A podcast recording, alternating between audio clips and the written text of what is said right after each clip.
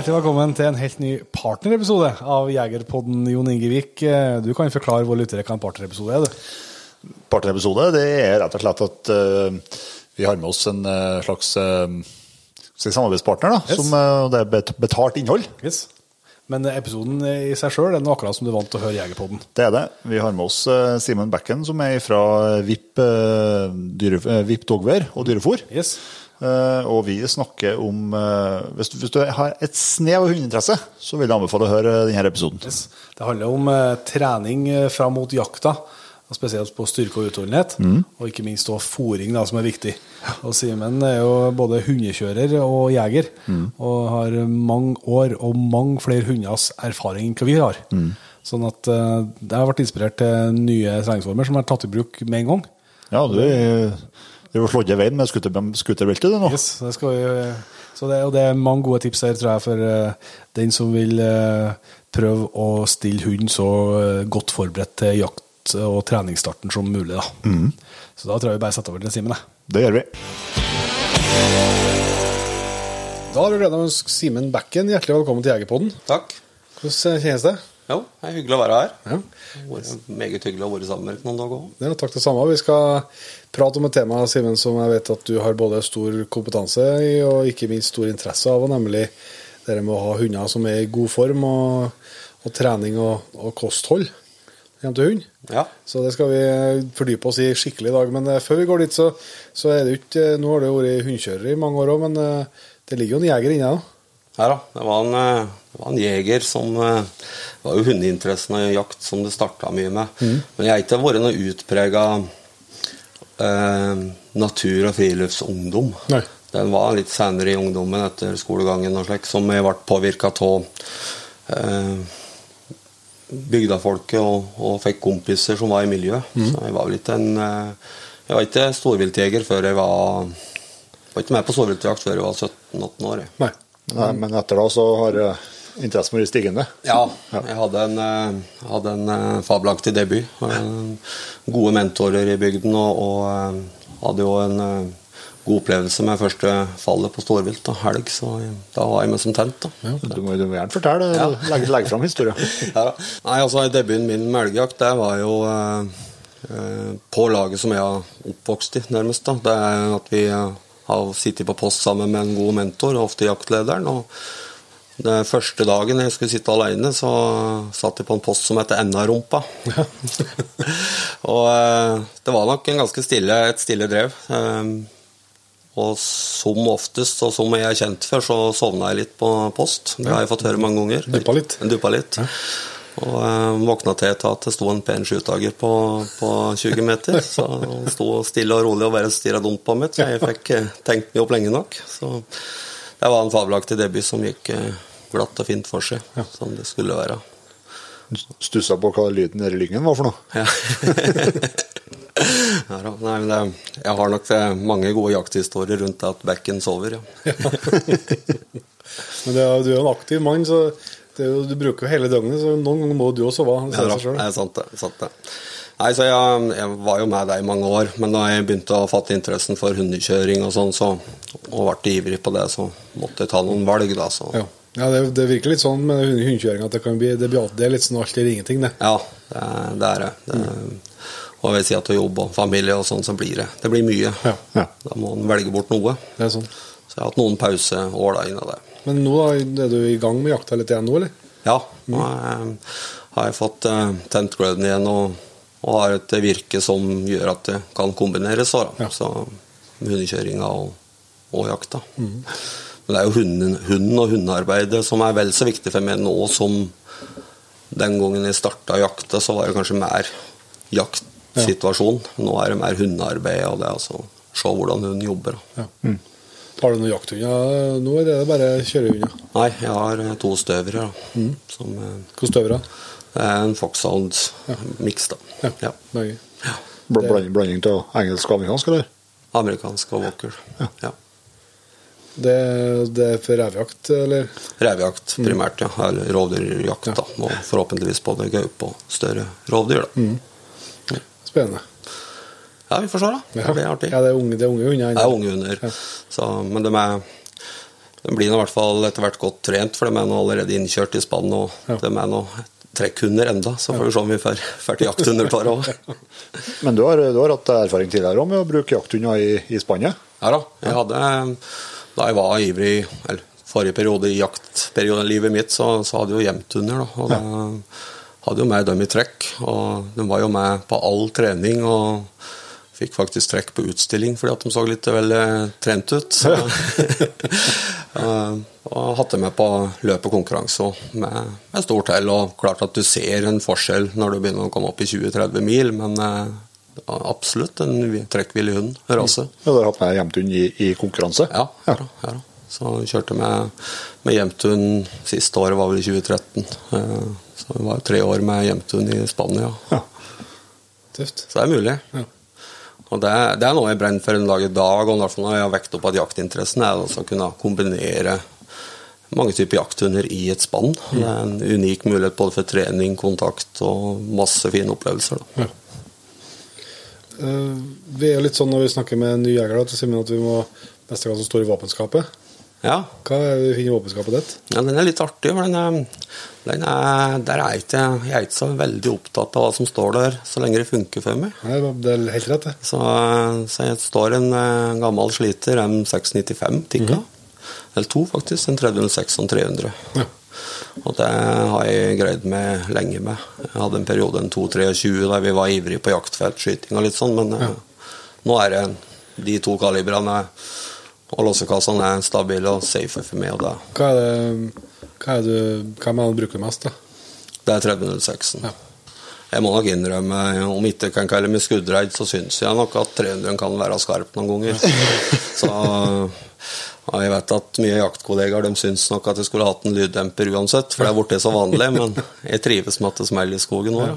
Så jeg skjønner at det, vi må ta vare på oss sjøl, så lyddemperen er nok veien. Ja, det er nok Det er ikke jeg vil- jeg vil kalle det en dårlig idé, nei. Nei, nei da. Men vi får høre litt om hundekjøringa, hvordan dere starta før vi går på treningspraten. Eh, eh, var det bare våkna du en dag og fant ut at jeg har lyst til å begynne å kjøre hundespann, eller var det en prosess? Ja, ja, jeg måtte først gjennom en prosess sjøl, og så måtte jeg gjennom en, eh, en arveprosess. Ikke miste arven hjemme. Eh, Men eh, jeg hadde en fase i livet der jeg har hatt noen nedturer, og det var en forbindelse med det å komme seg mer ut i friluft. og i tillegg til jakthundene så skaffa jeg meg et par husker da, for å kunne komme seg mer ut med spann. Påvirka av noen gamle hundekjørerkompiser som var erfarne.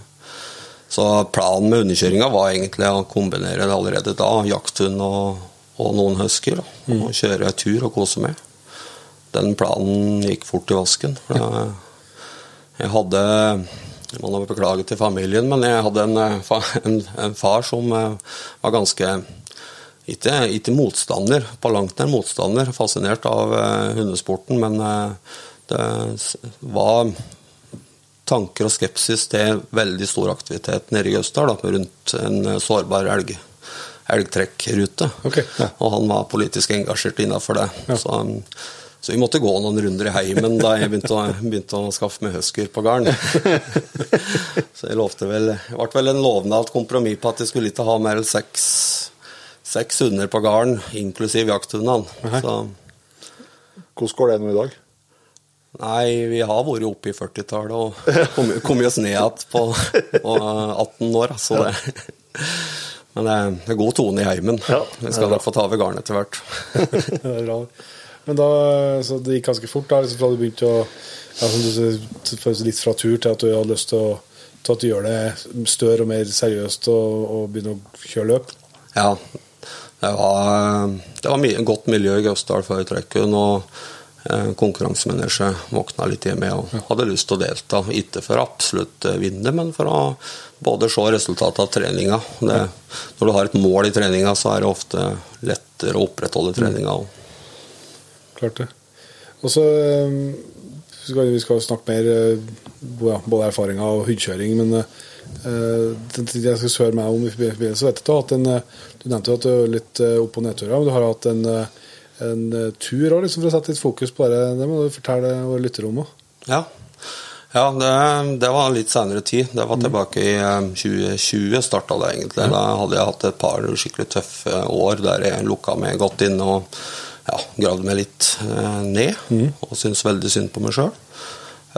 og skjønte at dette måtte komme meg litt ut av. Så det her starta med at jeg, jeg sto i Romsdalen, og så sendte jeg melding at en bekjent Eh, og det var ikke noen nær kompis, men jeg visste at han var gæren nok til å være med, og kom ikke til å si nei. Så, så jeg skrev bare tekstmelding til at eh, på hvert vårt nivå og, plan så, så har vi kanskje behov for å komme oss litt bort. Og bakgrunnen for den historien er jo at han da tre måneder siden hadde mista kona si til livmorhalskreft. Og har vært engasjert i å, å brenne for eh, HPV-virus og den prøve å få en bukt med den sykdommen der. Uh, Så jeg sendte tre raske spørsmål om, en, uh, om det trodde det var mulig å krysse Norge med trollvogn og 20 bikkjer. Og spørsmål to var om vi, om vi greide å lage noe god underholdning av det. Og tre var om vi greide å være sammen noen uker i fjellet. Da gikk det bare to-tre minutter, og før det kom svar, eh, kjapt svar på ja på de to første, veldig usikker på den siste. Dette hele prosjektet bar preg av, eh, kort planleggingsfase. Så dette var i mars. Og Mye gjennomføring. Kort planlegging og mye gjennomføring. ja, vi, eh, vi skulle Dette var i mars, og vi reiste på tur 26. august. Og det var alt fra depoter og planlegging, lære seg å bruke filmkamera, vi var jo helt blanke på det. mm. Og ruteplanlegging. Eh, Mitt formål var å komme seg bort fra min egen mentale helse og få, få laga litt et nullpunkt. da. Men Jan Kåre er litt mer frampå enn meg, og, og ville da prøve å gjøre noe mer ut av det. Og så en innsamlingsaksjon på hele prosjektet. da. Så vi starta salg av eh, T-skjorter som vi og samla inn penger til Mental Helse Norge og Gunnkreftforeningen. Under en hashtag 'tabu ta liv'. da. Så ja, jeg var nok litt pessimist på det, men det er greit nok. Jeg skal på tur, jeg har koser meg. Men dette eh, Jeg får nesten frysninger når vi snakker om det, for det engasjementet ble så enormt stort underveis. Og det hadde jo opplevelser med eldre karer som ringte opp med og, og grein på telefon fordi at de hadde ikke snakka med kjerringa si om at de sleit mentalt de siste 20 årene. og det var en åpenbaring om at dette var virkelig et behov for å merke det litt. At vi, skulle, at vi menn må prate litt mer om følelser. Ja. For det var jo hele problemet mitt, og at jeg lukka meg veldig inne. Ja. Så, så vi ifra, ifra vi ingen visste om oss i Femundsmerka til vi kom på Stadlandet seks uker etterpå, så hadde vi 15 000 følgere og samla inn nesten en halv million kroner Ja, på, på de sakene. Så det var så, Ja, jeg håper om eh, Ja, ja. Nye prosjekter i den banen, da. Ja, ja. og så viser jo hva, viser jo hva um, Altså at det går an å starte fra, som du sier, fra et nullpunkt Mm. og bygge seg opp. Ja. Og, uh, og så viser det hvor mye bra folk det finnes rundt omkring som vil engasjere seg og vil støtte opp når, når muligheten er der. Ja, det er, Det som tør å prøve. Det er stort. Og så var det to saker som egentlig går litt hånd i hånden. For at uh, Gunn-kreft og pårørende spesielt, da, som, eh, som uh, også får denne mentale dippen. Så det, Klart var, det brant Vi spant det godt i sammen. Og på, det er jo litt viktig å få sagt at jeg har nok følt litt på eh, bakteppet òg med det at å være så åpen. Det handler ikke om å være åpen til hele verden, men det handler om å ha en god kompis. Mm. Liksom jeg føler dere to er, da, og, og prate om alt med. Mm. Få åpne seg litt. Og i mange tilfeller så er det bikkja mi som er, er den psykologen. Altså. Ja. Vi, vi snakka litt om det i går, eh, Simen, men for at det har jo på mange vis blitt altså bedre, det her med, med mental helse, om at vi karene må, må, må åpne oss litt mer. Men, men det er fortsatt en lang vei å gå. Ja, det er det. det, er det. Men som alle andre veier, vi må starte. Ja. ja må, man må starte en plass. Det er, det er som med høsttreninga vår, at 1. august så må vi starte. Vi kan ikke starte i november. Så, Men det er ganske altså, du, du begynte å snakke om det i går, her også, også men det var jeg som ikke fikk med meg datoen, noe, men, men det er ganske en tøff tur å ta på Beimark da. Med, Ja. med 20 hunder og og, og vogn over. det er jo ikke, det er ikke flatt eh, på tvers over eh, landet vårt. Nei, altså Det hadde nok eh, vært gjort på ei uke med, med planlegging etter vei for å komme fort fram. Ja. Men vi, vi ville jo Det var to aspekter med det at vi, vi skulle jo skape litt underholdning ut av dette her. Ja. Og så skulle vi presse oss sjøl mentalt, altså ha en mentaltest. Mm. Og der fikk vi virkelig altså det, Vi kjører jo rundt med en del foredrag og, og om denne turen her. og eh, en lite visualisering av slitet vårt var jo en, gjennom et parti i Rondane så brukte vi ni timer på to kilometer. Så vi, eh, der sliter jo folk med å gå i det området vi kjørte, og vi hadde med oss 20 bikkjer. 350 kilo på hver vogn med fôr og utstyr. Eh, og ikke kjente hverandre så godt, da. Så det, vi fikk kjørt mentalhelsa vår godt, ja. Fikk det ble den testen det skulle være. Ja, men det Det er jo litt artig. Jan Kåre Heiberg, som er nå en veldig god kompis av meg, han, han eh, var jo høyt oppe mentalt og sterk mentalt før turen. Jeg var langt nede mentalt. Men dette med fysisk aktivitet og, og bruke kroppen, være ute og ikke grave seg ned eh, og ta avstand fra det som jeg kaller tankens kraft, det, det gjør noe med meg. Så det ble jo bare Til mer vi sleit, til sterkere ble mental helse. Da. Ja. Fikk rydda opp i topplokket. Ja. Eh, vi skal Vi kunne ha sittet og snakka om den turen her, eh, det kan vi godt vi må gjøre. En senere anledning, vi må dra litt eh, hund eh, enda mer hundprat. Simen, du, du jobber jo eh, i uh, med dyrefôr, eller VIP Dogwear. Ja. Eh, det er jo en partnerepisode i lag med, det, med dere, og vi har jo hatt et kjempegodt samarbeid i, i mange år. Eh, både på utstyr og på, på hundefôr. Eh, Du, du er jo ganske Du har jo hatt et langt forhold, forstår jeg, til dyrefôr og, og dogver, VIP Dogver, du òg, men eh, det, det er ikke så lenge siden du starta jobben der. Nei da, og det er egentlig en forlengelse av dette prosjektet som vi drev Ja. med Jan Jan Kåre òg. Vi ble jo veldig nært Max. Han brant jo for disse sakene våre og, og hjalp oss veldig godt, da, altså ja. dyrefôr. Um, og vi fikk jo en unik mulighet til å teste mye av produktene på en årstid som de fleste hundekjørere ikke bruker dette utstyret på. Ja. F.eks.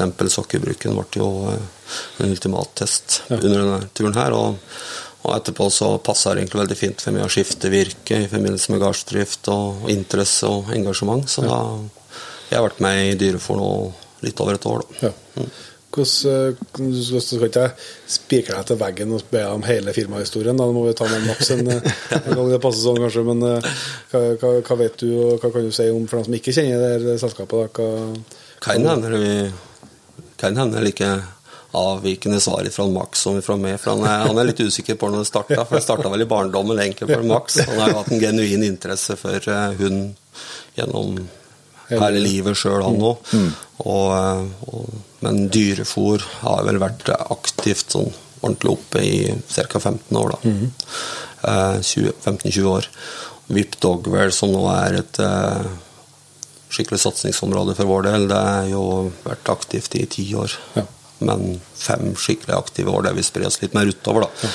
For Max og, og firmaet har jo eh, basert mye på dette her på sine erfaringer, sin interesse fra trekkhundmiljøet, og vi har jo vært der for trekkhundfolkene i mange, mange år. Da. men nå, nå liksom eh, senere årene en større satsing på å breie seg ut til, til en større andel av, av hunde, hundefolkene i, i Norge. Ja, eh, vi vil eh, hjelpe flere segmenter. Da, og det, vi ser jo at en, det er stor forskjell på anatomien fra en trekkhund til en eh, norsk grå elghund, f.eks. Så vi så behovet for å spesialisere litt utstyr for den både utstyr og fôr da, for den type hunder. Andre type hunder.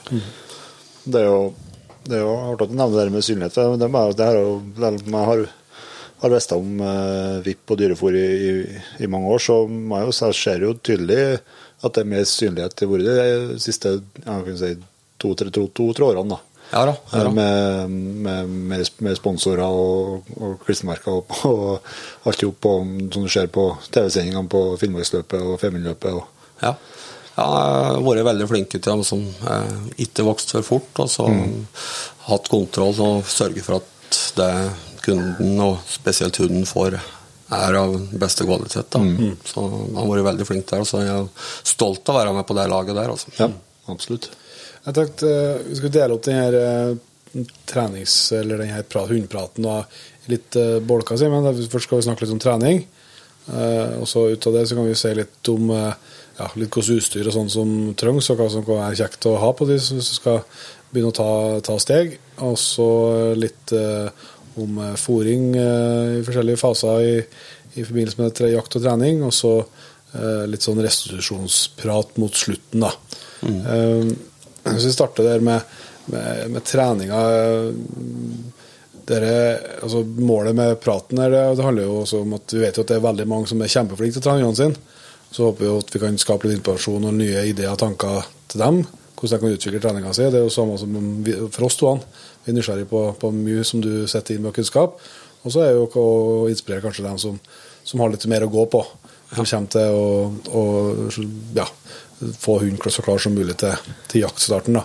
Men hvis du tar det helt ifra starten, hva, hva er erfaringene fra hundekjøringsmiljøet? Når, eh, når tar dere, begynner måte å sette valpene i arbeid og gir dem litt, litt belastning, og lar dem begynne faktisk altså, Du tenker mer på det som trening, da?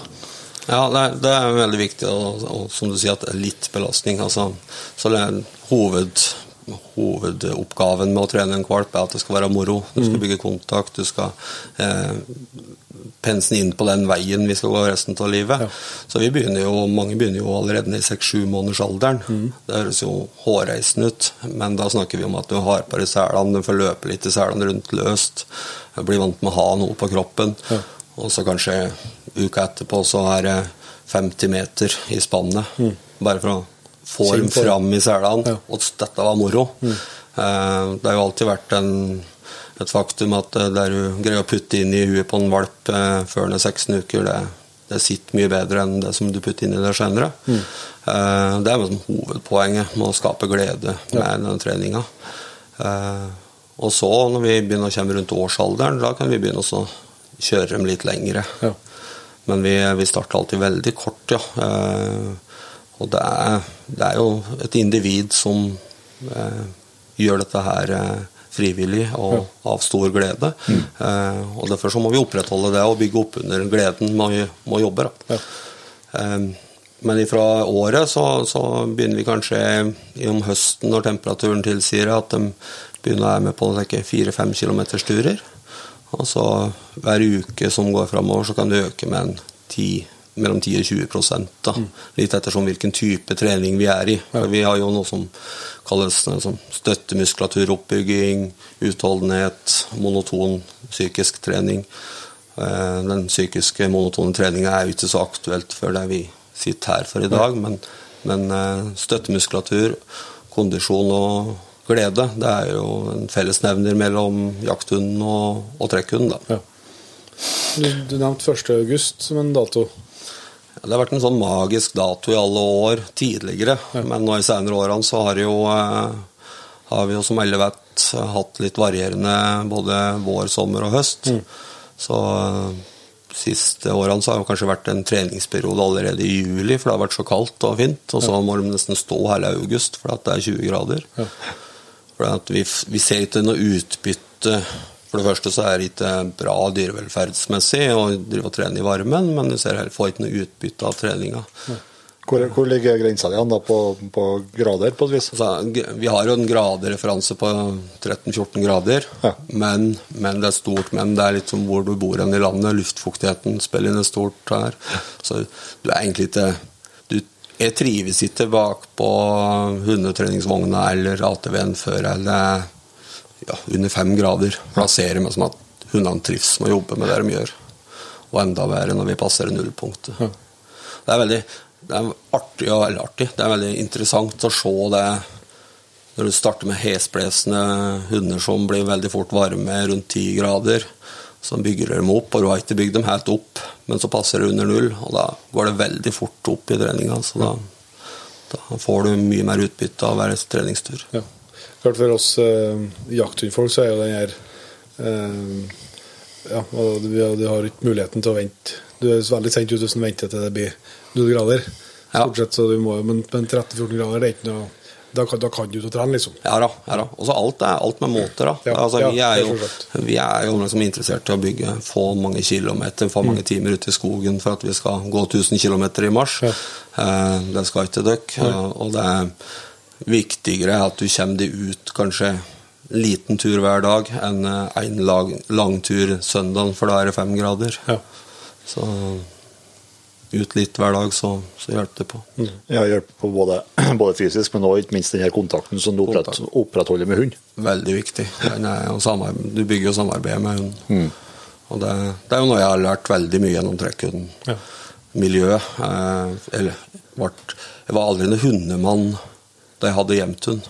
Og jeg ser alle mine feil og tabber den gangen som er så åpenbare og enkle, enkle å kunne gjort noe med. Eh, så jeg, gleder meg liksom nå til å begynne å jakte igjen med hund og bygge hund. da. Ja, Hva tenker du for noe feil, da? Nei, det er dette her med at en eh, Komme inn under hua på hunden, da, som du er inne på, bygge kontakten. Det er den største lærdommen jeg har tatt med meg. Det er, du får liksom, Du må inn under hua på bikkja. Du, du kan ikke bare gå ut og prate i telefonen og sitte på Facebook og forvente at hun skjønner hva, du skal, hva vi skal ut på. Nei. Så du må virkelig være i ett med bikkja. da. Det der uttrykket jeg har blitt kjent med det i løpet av to dager nå, Simen, men det uttrykket 'fram i selene', det, er et- det er et uttrykk du bruker ganske ofte. Ja, fram i selene, ja. Ja. ja. Vi må fram i selene. Eh, Det er jo Det er jo resultatet av, av det harde moro Ja. som du får når hunden er framme i selene. Og det er litt sånn med, med jakthunder, òg, ikke akkurat i selene, men fram i søket. Ja. eh, Tilbake. Få liksom litt ros fra den, det søket du har gjort. Da. Du lærer etter hvert å lese hunden, og du, hunden ser da responsen din på et, et godt søk eller et dårlig søk. Ja. Så vi er, vi har jo vi har jo et kroppsspråk som bikkja har lest mye bedre enn det vi gjør. Mm. Eh, ja.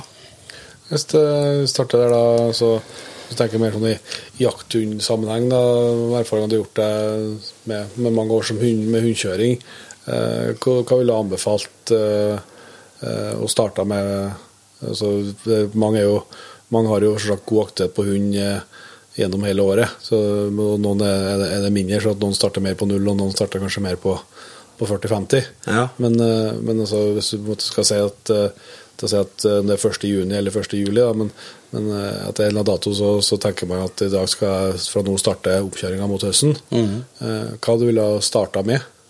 Nei, det som er viktigst for å trene mye, det er at du har en støttemuskulatur som greier å, å ta vare på eller forebygge småskader. Ja. F.eks. et tråkk utafor et høl i skogen tåler den mye bedre hvis du har en god støttemuskulatur. Og, og høy belastning. altså Når vi skal over på å kjøre litt lengre, vi skal trene litt monotont, så vil støttemuskulaturen eh, kunne ivareta kroppen mye bedre. En sliten hund med dårlig, dårlig støttemuskulatur får mye fortere skader enn en med god støttemuskulatur. Så vi starter med muskeltrening. Lav intensitet. Eh, få bygd opp alle store muskelgrupper, men også små. Men hovedsakelig store. Bakparten, ryggen og fronten det, kan, det trenes jo på, på forskjellige måter. Og det er jo litt de metodene vi har vært igjennom de siste dagene nå. liksom Muskulaturen i bakparten eh, trenes med å trekke noe tungt, gå sakte. Men hele tida ha det moro. Det er viktig, for at vi skal jo trene mye, og da må det være moro. Eh, tenker at du, du bygger fort en god bakpartmuskulatur på tre-fire uker. Ja. Eh, Hvordan, eh, da er sånn typisk en pinnesele å trekke noen ting, sånne ting, men hvor eh, du sier lav intensitet, så det vil si at du skal ikke trenge å springe her. Da skal Nei. du kunne gå sakte. Gå sakte, lett trav. Ja. aldri gallop. Nei. Gallop er veldig For en svak front så er det skummelt. Eller en, en dårlig trent hund, så er gallopen hardt for skulderpartiet og håndledd. Og så vi trener bakparten med tunge trekk. Eh, Finn et område, en park, et, et løsslippsområde til å løpe fritt i gallop og leke seg. Da bygger du ryggmuskulatur og fronten. Og så når vi kommer, kommer over de fasene at vi begynner å øke farten litt, så da får du mer i frontpartiet. Ja.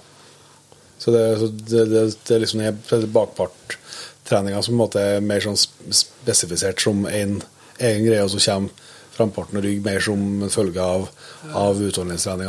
Ja, ja. Altså, det, er ikke noe, er ikke noe Du trener jo selvsagt jo, jo, fronten på trekk og veldig ja. mye, men, men, ryggen uteblir veldig mye når du har lav intensitet. Ja. Og Derfor så er det viktig å ha denne galopptreninga frislipp. da, At den får løpe litt fritt og mye, og, og bygge ryggmuskulaturen sin. Mm.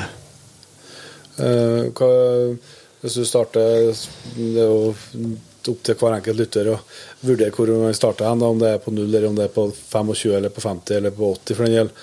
Men uh, si at du starter på, på 40-50 prosent av der du tenker du skal være. Uh, du sier tre-fire uker med, med litt uh, trening av bakparten. Uh, fokuser på det. Er det da to-tre ganger i uka, eller er det fire-fem-seks ganger i uka? Nei, jeg syns eh, muskel- og støttemuskulatur først eh, Når du kommer på 40-50, mm. så greier du med en to-tre dager i uka med litt sånn muskeltrening. Ja. Og så eh, to-tre dager med utholdenhet, mm. trav og hard moro, mm. og så med restitusjon. Ja. Ja. Eh, restitusjon er jo eh, For alle dem som trener mye sjøl, så ser de hvor viktig restitusjon er. Det er jo halve treninga. Ja. Så at de en Ja. Ideelt sett så, så, bør du ha løpet av en dag, da. Så ja, det blir litt vanskelig, for det er mange typer treninger, men en, en 50% restitusjon bør du ha til, mm. treninger i. Ja.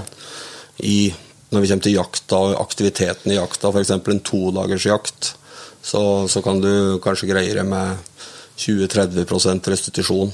Og da utenom der du er på hytta, men ja. der du er i skogen fra sju om morgenen til mørket. Mm. Um, så bør du ha en 20, 20% restitusjon i løpet av dagen, da, ideelt sett. Ja. Men det er vanskelig å gå og tenke på det i skogen når uh, bikkja er langt ifra, langt ifra. Ja, det er klart det er stor forskjell på en, eh, en, en typisk fuglehund og en, en løshund. Sånn ja. Sett. Ja, ja. Altså, en fuglehund er lettere å, å legge, opp, legge, opp, det mer optimalt. Da. Og trekkhunden enda enklere, for vi slipper bare ned snogankeret, så stopper vi. uh, hva, men det er sånn, hvis en kan se litt om det da litt sånn overordna tall, muskeltrening utholdenhetstrening uh, i, sånn andelsmessig. da, Fra liksom, si at det er 1.6 til 21.8. Så mer, mer, fokus på muskelbygging i starten og mer og mer på utholdenhet etter hvert. Ja. 70-30 liksom sånn på totalen til slutt? da, hvis du? Ja, altså Hvis du, hvis du har, tenker muskel i tre-fire uker, fra mm. null og oppover, ja. um, så, så, kan du legge den litt til sides etter det. Ja. Da kan du ha kanskje nok med en dag eller to eller en tur eller to i uka ja. inniblant at uh, sykkelturene og løpeturene. Ja. Bare for å opprettholde det litt, da. Så, og da er det, etter den støttemuskulaturen, så er det egentlig Da snakker vi lett, fint trav. Mm -hmm. uh, hvis jeg skal få lov til å bemerke noe ut ifra egne erfaringer, og litt sånn, så, så, ser jeg at mange kjører, sykler veldig fort iblant. Ja. Så det, fart er det som ødelegger både poter og frontpartier på en hund. Ja. Spesielt en stor, tung hund. Ja. Mm. Så det, det, det, det, er trav som er maks? Ja, jeg, ja, ofte. For det er som er med alle hunder. altså Farten ligger der latent. Den, den får du ikke Den kan du legge en vane på, et visst fartsnivå, mm. i trav, men du, i gallop så blir det De har den i seg uansett. Ja. Men det med fart og altså, eller trav, da, det, det er jo både varierende fra hund til hund, selvsagt, hvordan fart de klarer, hvor langt opp i fart de klarer å trave. Ja, ja, ja. Men, eh, men, det, er jo, det ser jeg jo på, på mine, at de traver jo fint i 8-7-8-9 km i timen. Mm. Men, men, i hvert fall to av dem traver jo like fint i, i hvert fall på flatt og lett terreng. da, Så traver de like fint i, i 17-18 km i timen. Ja. Men det er jo stor forskjell på belastninga mellom de to hastighetene, antar jeg. Ja, men, men det du erfarer der, har mye med den trening, grunntreninga du har før. Ja. En, eh, en, dårlig trent hund han er lett for å gå over i galopp. Ja. Og hvis du lar det bli en vane, så, så legger du opp til mye mer sårbarhet for ja. skader. Da. For mm. det blir det som blir vanen hans, at han skal galoppere. Så vi i trekkhundmiljøet vi har hunder som slår over i galopp i 12-13-14 km i timen. Mm. Men så har vi òg hunder som nei, traver opp til 20 km i timen. Så det er som du sier at du skal, Han skal ikke slite med å være nede i trav, men han skal ikke være mellom steg og traven heller. Altså. Du ser det på din egen hund. Ja. En gråhund, fuglehund, gjemthund. jevnthund. Det er tre vidt forskjellige nivåer de er på i forhold til trav galopp. Ja. Jeg syns jeg så det ganske bra i fjor på, på Rex, som var rundt eh, litt over året i fjor, når jeg begynte å kjøre. så Han ville jo i starten, liksom, så fort de ja, begynte å nærme deg 10 km i timen i starten Det var kanskje noe med formen, da, men han skulle være sånn tålelig bra. Han hadde en ganske bra vinter med, med snørekjøringa, men da ville han over i galopp. Ja. Men da slapp jeg alltid etter, så at, jeg, så at vi jeg fikk ham ned i trav igjen. Men så det bygde vi opp suksessivt, og det kan jo sikkert være noe Noe var sikkert formen, og så noe tror jeg, men jeg tror at noe av det var rett og slett at han utvikla steget sitt òg. Ja, at, han utvikler steget sitt til å kunne trave i, i høyere hastighet. Mm. Og det er jo noe vi er opptatt av på unge hunder, vi òg. Ja. Og det var veldig interessant å høre du prate om dette i går. For det er jo noe vi òg ser på, at vi, når vi er ferdige med grunntreninga, Mm. så begynner vi å trene inn en vanlig fart. At vi liksom har bestemt oss for at den farten ønsker vi, og det var noe du hadde testa litt ut. At du, du ønska et søksfart da, Mm. i et visst kilometer i timen. Og det var litt artig å høre på, for det er jo samme tankegang som vi har. Ja. Ja, for det, er jo ikke jeg som kommer på den. Det, er noen andre som dyktige hundefolk som jeg har snakka med, som har gjort den opplevelsen, og det har, kan jeg stille meg bak, i hvert fall. Ja, ja. At, eh, for tar hele den, hele, ikke hele historien, men altså Før, så, der jeg bodde, eh, så var det jo eh, veldig kupert opp og ned. Og jeg hadde kun enten springing eller kickbike liksom som verktøy. da. Og klart har vi hatt, hatt det flatt og fint, så har vi kunnet hatt større snittfart på, på kickbiken òg. Men i og med at det ikke ble eh, nedoverbakke som du måtte ligge på bremsen, eller at du måtte, eh, jeg måtte hoppe med min tunge kropp bakom på tur opp, så, så ble liksom snittfarta ikke det jeg egentlig ønska. Men når jeg begynte å gå over til ATV og nytt treningsområde som jeg har nå, så, så kan jeg Jeg er ikke der ennå nå i, i juni, men vet du, det kommer i slutten på juli til august, så, så ligger vi i marsfart på 13-14 km i timen. Kanskje på 15 på, på gode dager. Um, og da føler jeg at, jeg, at som du sier, at du, at du, du lærer hunden at her er den farta vi forflytter oss i. Ja. Uh, og det syns jeg virkelig jeg har fått igjen i skogen. Altså. At, uh, uh, og og så, så er jo det en ja, diskusjon etter det det er jo om trenger du en hund som har mellom 10 til 5 km i timen i søk, eller kan jobben gjøres like bra mellom 5 og 10? Det kan godt, det, det vet ikke jeg.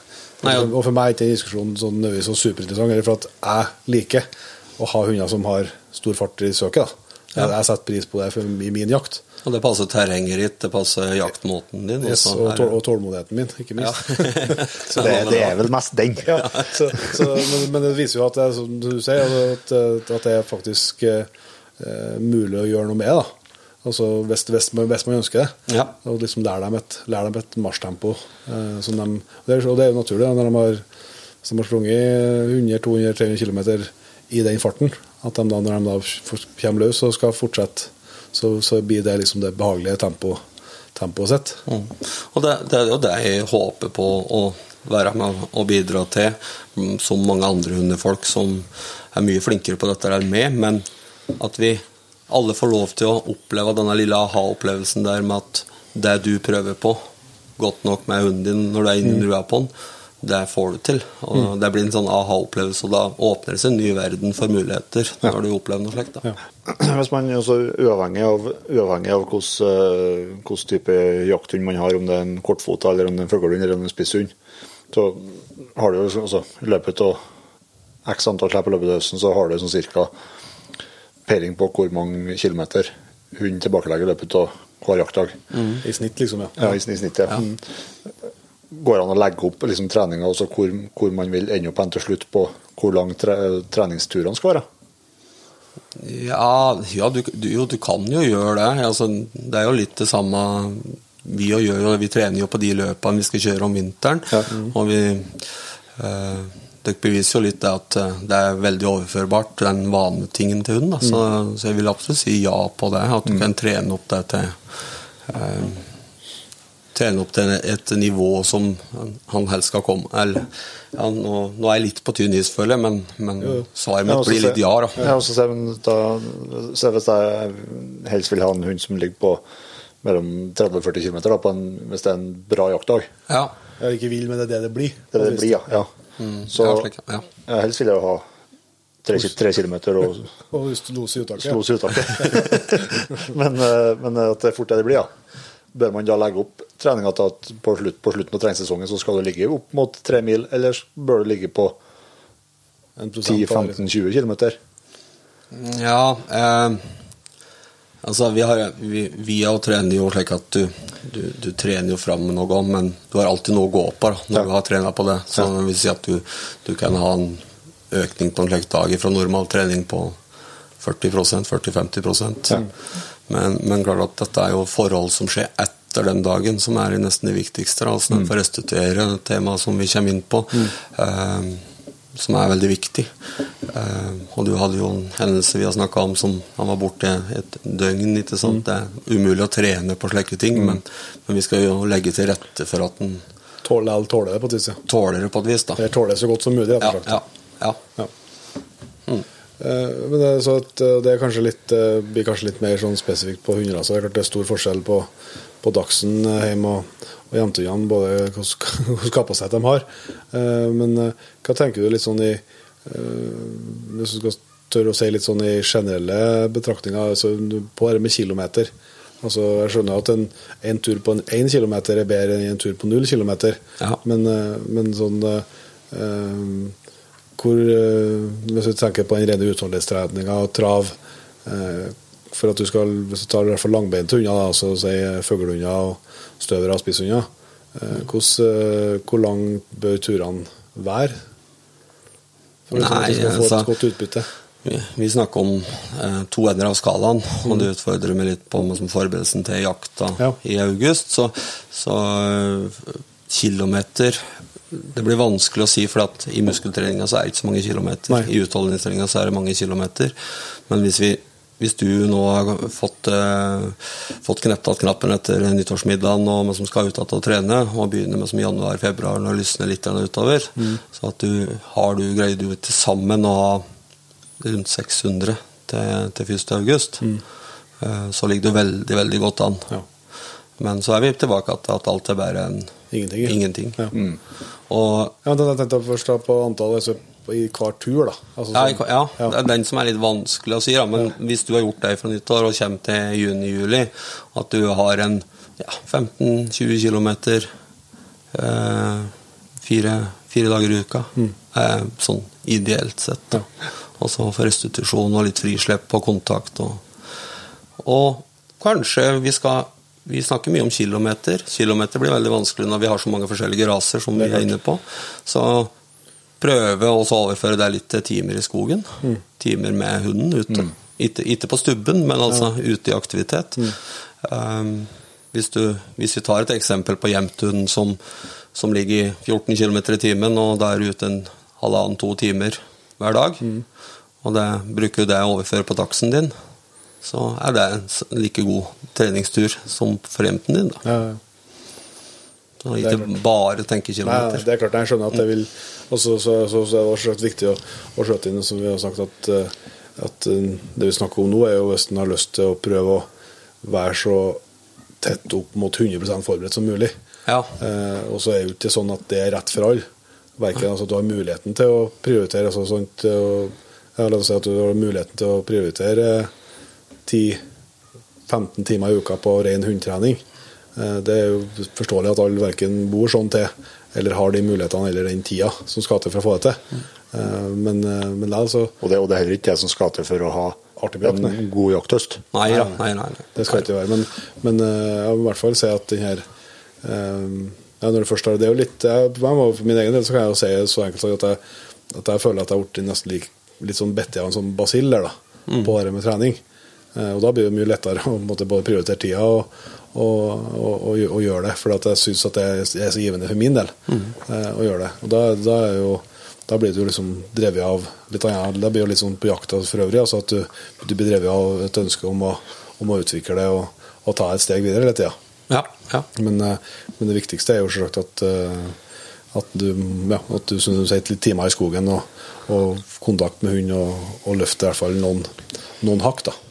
Ja, en litt sånn fin vinkel, visualiseringsvinkel på dette der fra en kompis med, som har drevet med, med elgbikkjer i mange mange år. Mm. Og har òg opplevd, som vi mange elgjegere har gjort, at vi jakter med superhunder i to-tre dager, og så må de hvile en kanskje faktisk det samme antall dager. Ja. For å liksom få at vi prøver dem den femte dagen, men så Nei, vi burde ha latt være den dagen. Mm. Så har vi en som har systematisert dette veldig godt, eh, en kompis av meg.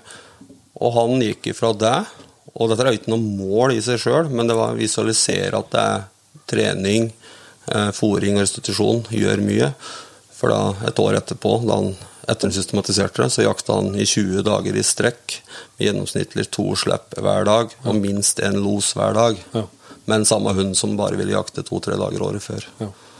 Og det, det er kanskje kunne vært gjort halvparten, at den burde gitt seg før. Men at det visualiserer at trening, fòring, restitusjon kan være med å øke jakt. Eh, antall jaktopplevelser og jaktopplevelsen. Ja, ja og så tror jeg ikke det er noe tvil om at det, eh, så forutsagt altså, Det gjør det sikkert hos mennesker på et eller annet nivå, men, men det med sjøltillit, eh, spesielt på hundene som, som løshundene som jobber langt ifra deg, det henger veldig tett sammen med formen. Ja. Jeg, for har jo helt sikkert sånn som oss eh, en følelse på om man er god eller dårlig form, eh, og på et eller annet nivå. Og da det er i hvert fall litt eh, Det tror jeg mange som kan, kan skrive under på liksom at eh, du får en hund som, som tør det lille ekstra og, og gjør det lille ekstra. Eh, både kanskje i antall dager, men òg på den dagen eh, hvis, hvis formen er der, liksom. Ja, ja. Og det er jo det er litt eh, det er så kjedelig hvis den, den formen først er der i november. Og, og litt, litt, bare litt tilbake til grunntrening på hund. Eh, Begrepet skogsvant er jeg vokst opp med så lenge jeg har vært elgjeger og annen type hundejeger. Altså, det er, skogsvant er litt feilbruk på oss, altså det er ordet. For det, du kan gjøre en hund skogsvant midt i Oslo sentrum. Det er dette med inntrykk, eh, impulser, nye ting fra alle vinkler. Det skjer noe nytt. Altså, eh, det er også å håndtere det mentalt. Det er det det handler om. så det at du, det, Den treninga dere bedriver etter en grusvei, asfaltvei, sti, det gjør bikkja skogsvant. Det er ikke det å sitte på en stubbe i skogen ofte. da. Klart det er bra, det òg, Ja, ja. men, men du kan gjøre en en måter. i sentrum. Ja, det, det er jo bare å presentere dem for, for nye og utfordrende ting. Ja, ja, Det er det det handler om. Ja. Eh, du, du, du nevnte det kanskje i stad, bare for å tydeliggjøre litt, så når du da, hvis du skal tenke litt sånn progresjon i treninga, så, så snakker du om sånn 10 økning i uka ja. i, på utholdenhetsdelen. Utholdenheten, ja. Eh, det vil si altså, da, da, da snakker du kilometer. Da snakker vi ja, det blir jo overført på timer, og siden Ja, vi, vi jo, går jo. på vane. Ja. Men hvis vi bruker kilometer, så ja, 10 økning. Det er på en helt sikre grensa til at vi kan sikkert kjøre 20-30, men da vet vi at hun har det moro hele tida. Da er vi liksom sikre på at trening er moro. At vi ikke øker for mye. Mm. Ja. Jeg sjøl er jo en slik skippertakstrener som eh, skal ta til meg noen julekilo annethvert år, og så trene som rakkeren, og det, det er ikke noe moro. Nei. Du blir drittlei. ja. Veldig motivert når du starter, og så går det Ja, ja. brått nedover motivasjonen. Så, Eh, Nå har vi ikke eh, sagt noe om, om uh, treningsformer, da, men, men det er der er det jo på en måte ta området vi snakka om, det, her, eh, altså det å trekke uh, for bakpartstreninga. Det finnes jo seler som er tilpassa den formen for trening, men, men uh, vi har jo filma og, og hatt noen trivelige dager i lager, men da har vi jo hatt, vært innom forskjellige. eh, Alt ifra løping, sykkel med springer, ATV-kjøring på, på sida av ATV-en, og vi har brukt eh, vogna di til å ha hundene i spann framom. Eh, så det er jo en måte et hav av muligheter her for, for ulik type trening. da. ja, det er, du, du har mange vitasatt, mens det er mange metoder og muligheter å, å trene på. Det er jo ingen begrensninger. det, det, Hunden venner seg til det slik formen din er. Et annet eksempel som var veldig god trening, er en god kompis eh, da vi starta med hundekjøring, Klaus, vi brukte hele sommeren på svømmetrening. Ja. For det var en varm sommer, umulig å trene, men vi var, liksom, da var vi litt på skippertakstrening igjen, for vi var nye og engasjerte. Men, men det var jo genial trening. Før, før støttemuskulatur, småskader. Og ta med oss noen Da var vi ute på en kveld, og så trente vi 20 hunder med svømming. Altså, da tok vi jo, hadde på en redningsvest og var ute med våtdrakt sjøl og svømte med to og to. Ja. Og det er en halvtime med det og supertrening. Så det, er jo, og det, og det finnes jo hjelpemidler som ja, kickbike, og det finnes mindre og lettere vogner enn det dere bruker med store spann. Og, Ja. og sånn, så det er jo, der er det jo egentlig eh, ja, om ikke fantasi, så er det begrensninger, men det er jo å finne ut både for seg sjøl hva, hva trives du med, hva, hva liker du. Ja, og, og hva passer til der du bor. ja, Ja, helt riktig. ja. Også, og, ja, og hva liksom må kan ta ned dørstokkmila. Så mye som mulig, sånn at du, du, du, du i hvert fall får ut så mye som du har lyst til. Mm. For at uh, hundene har jo, i hvert fall de, som du ser, ut, de sitter det er lyst på noe artig, så har de alltid lyst. Det er jo oss det står i. Ja, det er det. Og det er ofte at den største, største forskjellen er fra den første hunden til at du har to-tre hunder. Da begynner ting å bli mer større. Døra, dørstokkmila begynner å bli litt Ja. større. Altså, Så går går det an å komme også med den, med den også påstanden at, eh, at det er viktigere å skaffe seg en, og, og holde på med en treningsform som du faktisk kan gjøre ut ifra døra, ja, ja, det er enn enn at akkurat å presisere hvordan tegneformen skal være. Det tror jeg er et veldig godt poeng. For at, ja, for at har du, har du grussida, så har du et halv muligheter. Men bor du sentrumsnært eller boligfelt og at du har bare asfalt, og, så tror jeg det er viktigere at du finner en treningsmetode der du faktisk kan starte på opp døra. At du ikke må ut og kjøre bil i 5-6 km, for da Det øker du da- da- terskelen, ja. ja. Ja. Ja, men det er òg både og. Altså, det er individuelt. Altså, vi snakker så stort og svært om hjemmekontor, men uh, ikke alltid like effektiv hjemme heller, så det er jo faktisk måttekjøre. Det passer bra for noen. Ja, ja, det er et godt poeng. Men i dag så har vi også mye hjelpemidler, som du er inne på, at å trene på asfalt i byen, det er ikke, det er ikke noe problem i dag. Det er Nei, det er ikke både muskeltrening og fart. Men hvis du f.eks. Eh, enten bor sånn til eller ønsker kun å springe, da. Altså med altså, og Da skjønner jeg at det finnes jo folk som er i langt bedre form enn meg. Sånn jeg får sikkert få utrettet mer. Ja, det er det opptaket vi har hatt i dag, da du skal springe alpinbakken.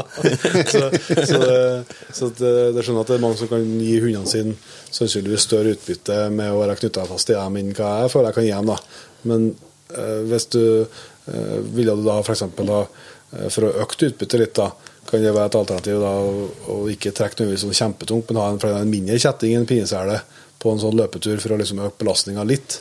Hvis, hvis du er litt sånn som meg, at du er litt tung i, tung i shortsen Ja, bakom. jo, men da kan du bare gå i ditt rolige tempo, så det er en fin muskeltrening så lenge hun vil jobbe foran deg. Ja, men tenk da for utholdenhetstreninga, så kunne du ha, Ja. ha et litt høyere tempo med lettere belastning bak, for Ja. å få bedre totalutbytte Av treninga. Ja, da. Og det, så, lenge du, så lenge du holder i trav, så er jo ikke den problemet med Nei. kjetting i, i litt høyere fart her. Nei, litt er lettere.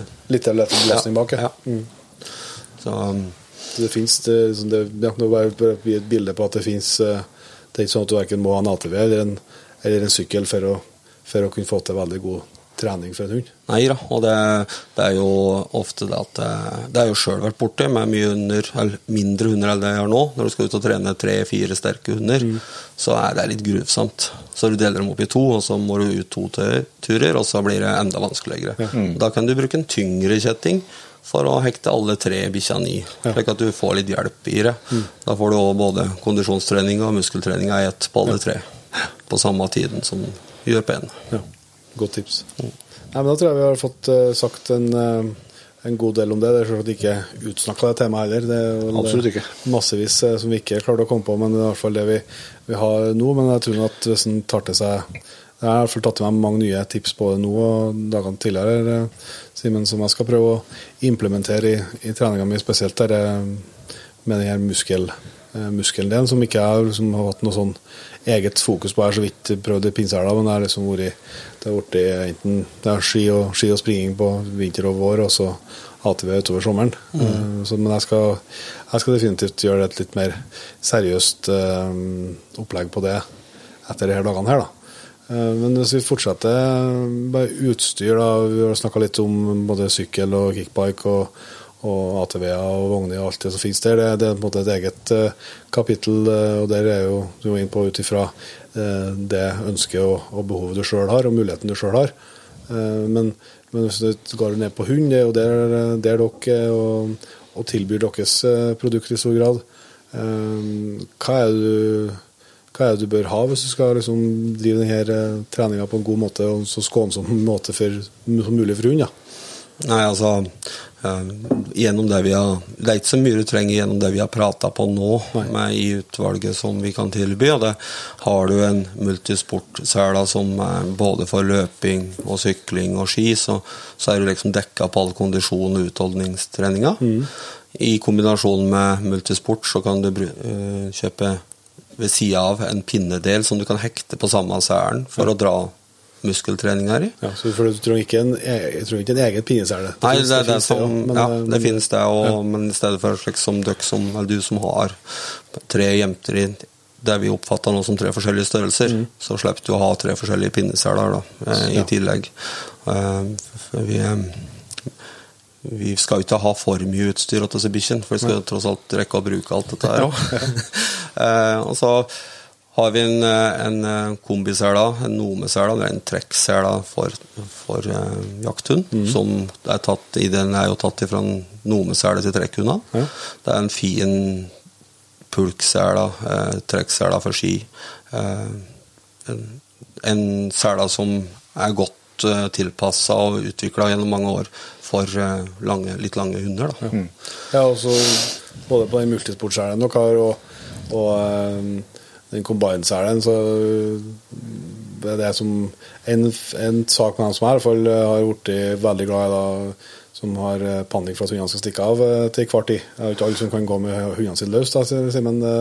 Så, så er det at det er et magebelte rundt dem, Ja. som, du, som er riktignok er- ikke skal stramme noen ting, skal være løst på hund, men, men som men som i hvert fall gjør at det ikke er noen mulighet for at hun får til å vri seg ut av selen. Ja, det er jo et viktig aspekt innenfor jakthund at vi, vi vil jo sørge for at denne bikkja holder seg i selene og inntil oss. Ja. Og så hele jaktkolleksjonen vår har det magebeltet da, for å ha en dobbeltsikring som ikke vrenger seg ut av det. Ja. Men det er godt du var inne på det at det er veldig viktig at det magebeltet sitter løst rundt brystkassa. Ja. For brystkassa beveger seg mye ut og inn, og det skal ikke hindre luft, frie luftveier. Nei. Og så i tillegg også med dere nå har tilbyr autolokk, altså karvinkrok med autolokk-funksjon på. Ja. For å forhindre at det noen låser som smetter opp. Der har du vært en ivrig påvirker. Jeg tror hele redaksjonen har vært det. Ja. Eh, Nei, men det er veldig godt. Og, men det som òg er viktig her, når du systematiserer treninga her, og du kommer til en vane Du bør ha eh, litt forskjellige typer sokker liggende. For enten at du kan tråkke på et glasskår, du, du, stå, du får opphold i treninga av å leke filleting, eh, du er plutselig uheldig å trene om morgenen på kald asfalt, kommer i retur på grisevarm asfalt. Du, det er skummelt. Så for å, for å få til den treningssystematikken her og, og ha et godt eh, riktig utstyr, da, så bør du ha noen sokker liggende. For det er for seint å bestille dem eh, på nett da skaden allerede har skjedd. For det, det, et, det, vi kan ta ta litt om sokker. Altså, hvordan- for det, dere har jo mange forskjellige typer. Ja, det har vi. Ja, for dere har jo den, en sokk som ikke jeg har brukt noe mye, det er jo, men som jeg, som jeg vet at du varmt anbefaler, det er jo den som er gummiert, også som er for å bruke på, på henholdsvis asfalt eller eh, ja, grus som er, kan være med skarpe steiner og, Ja. Og, og fare for, fare for, for tredjeputene. da. Ja, det er å ta vare på. Det er, den er en like, ta vare på tredjeputesokker. Ja. Men òg en ideell sokk langs kysten som eh, Nå har vi mye av den stillehavsøstersen. Ja. Som, eh, den er jo perfekt for å beskytte mot den. Ja. Og sklisikker på båtdekket. Ja. Det er jo med å hindre skliskader der. Det som er viktig med gummisokken, er at den er tett, og, og tett eh, svette er en av de viktigste svettepunktene til hunden. og Der den faktisk puster ut litt, så den må få litt luft inniblant. Så den må få den av. Ja, tatt Så det, så det er ikke en sokk som anbefaler for å slippe en hund som i verste fall kan være borte tolv timer. Nei, det gjør du ikke. Det skal være en sokk du bruker mens du har hunden ved din side. Mm. men, men uh, uansett sokk, så er det viktig at, den, at, den, at det er rett størrelse, at den passer. Ja. Uh, og da er det gjerne to forskjellige størrelser på fram- og bakfota. Veldig ofte så er det det, ja. Mm.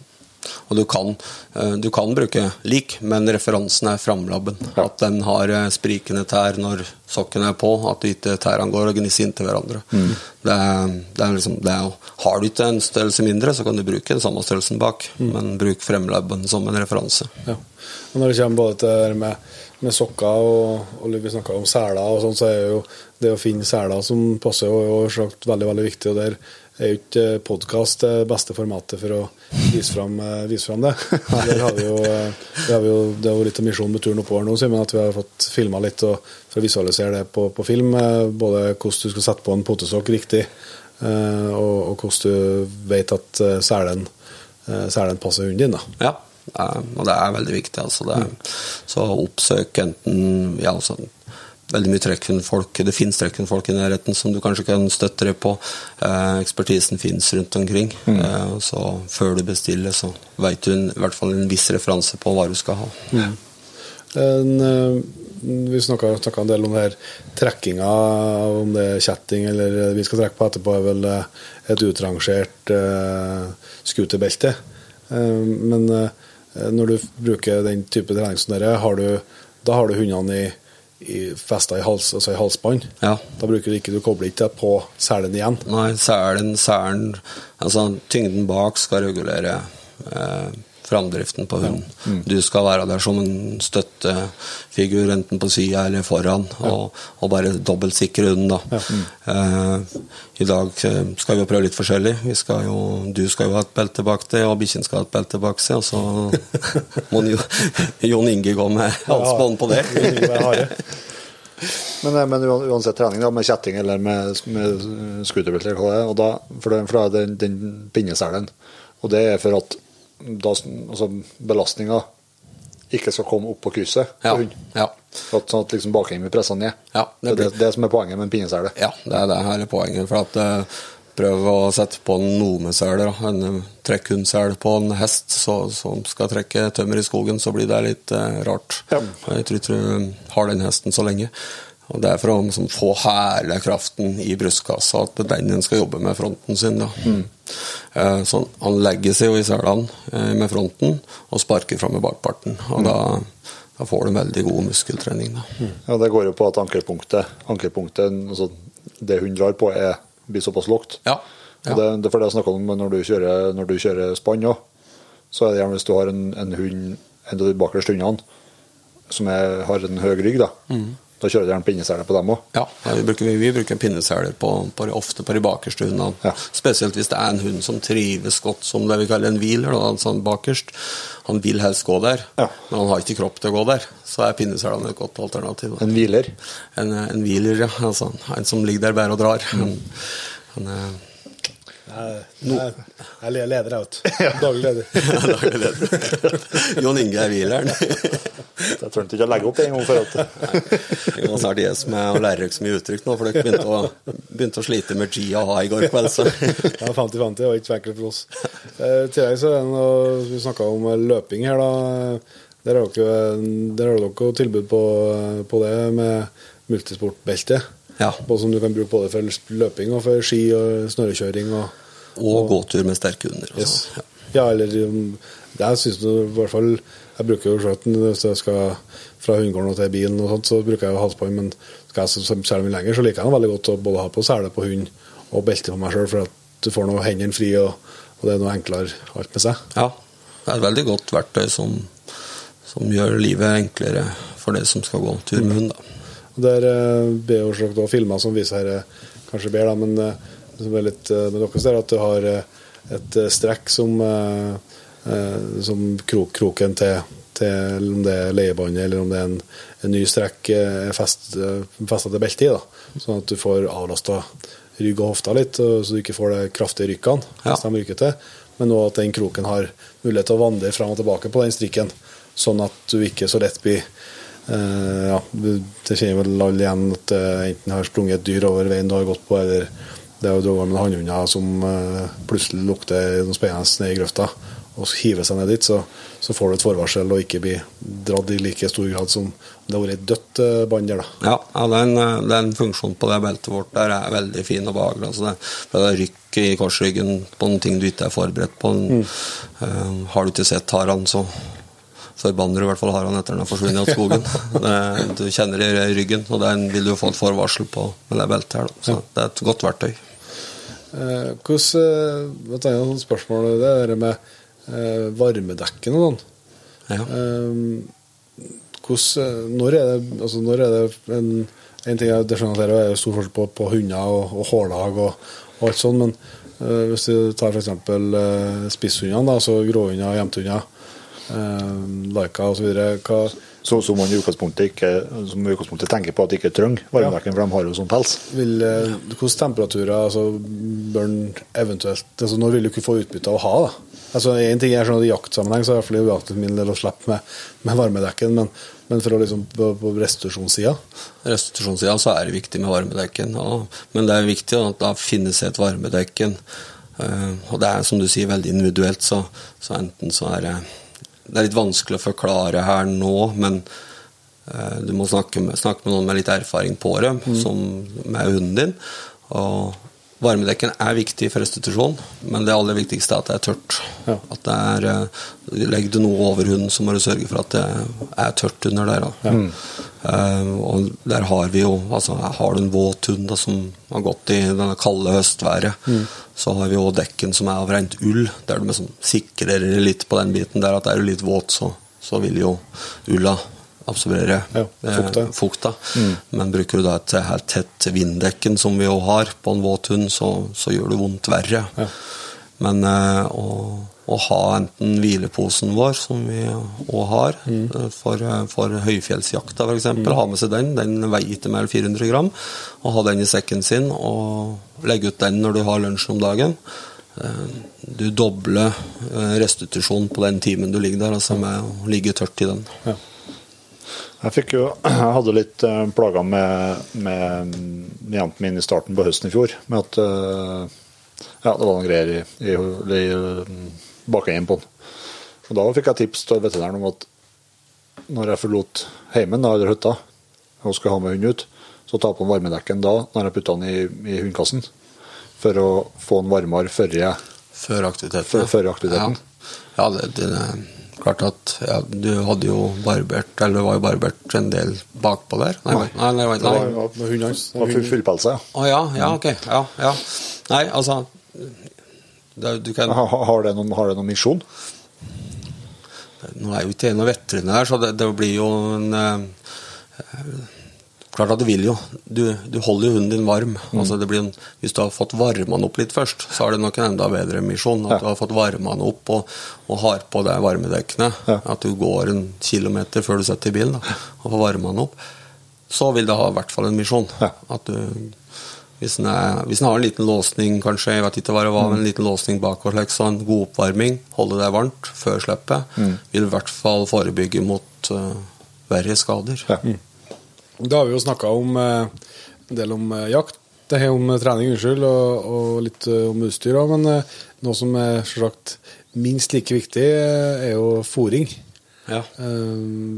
Hvis vi starter litt, hvis vi måtte dele opp dette litt, av hvis vi starter med før treninga eller, eller jakta, eh, hva vil du anbefale med dine erfaringer? Altså, før, en, før jakta eller før en hardtarbeidende treningsdag, så, så er det jo Vi snakker om at den morgenfòringa. men fòringa for den dagen, den skjedde i går kveld. Altså den økta du skal gjøre nå i dag, den skjedde i går kveld. Så det som er viktig i dag, er å, å få hydrert hunden godt og få balansert, eller få opp væskebalansen.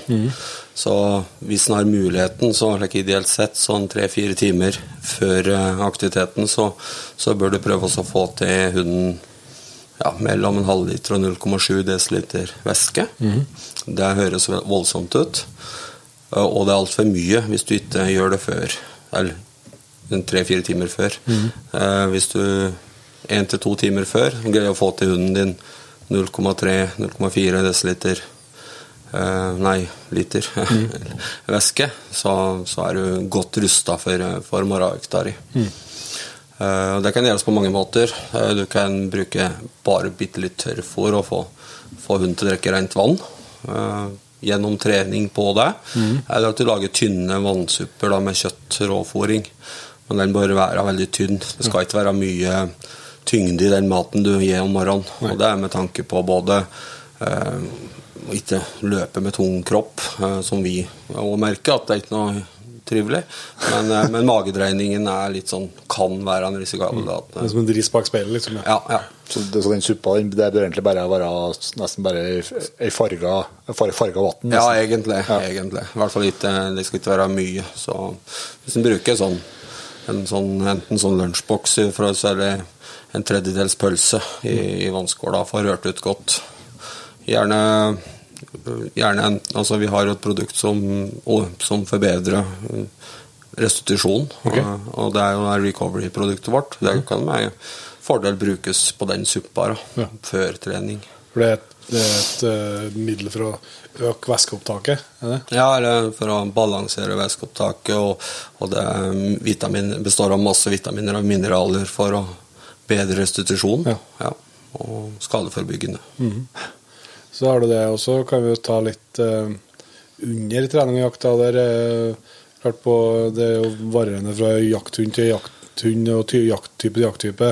For vår del så vil det jo ofte være sånn at eh, vi kanskje har eh, altså det, En jaktdag er jo en jaktdag, så du vet jo ingenting. Men eh, ofte i hvert fall så, så har vi kanskje litt kontakt med hund de første halvtimer Og Hvis det går som det både skal, eller det er en fin elg, sånn så kan det jo bli kan jo gå fort, men det kan jo gå veldig langt og, og ta lang tid før du ser hunden igjen. Ergo har ikke alltid muligheten til å snakke. Nei. Men på trening så vil du alltid ha muligheten til å snakke, og f.eks. For, for en type fuglehund, eller og kanskje hunder som eh, ja, Om det er kort, kortjagere eller, eller sånn, så, så vil du ha den, den muligheten. Eh, hva, hva er det du anbefaler? Nei, altså Snacking er jo, det er jo litt på tarm, tarmens lengde. altså Magesekken er jo ikke noen magesekk på en hund i forhold til at oss. Vi skal ikke fylle den høyt opp. Vi skal Nei. gi den småporsjoner. Og det mener vi med snacking. da. Ja. Og eh, min ideelle verden og en jaktsituasjon med en hund som er borte i åtte timer, den hører ikke sammen. Nei. Men under trening så er det mulig, og det er viktig der òg. Både for den kontakten, men òg for å opprettholde maks fokus, eh, maks eh, energi eh, hele tida.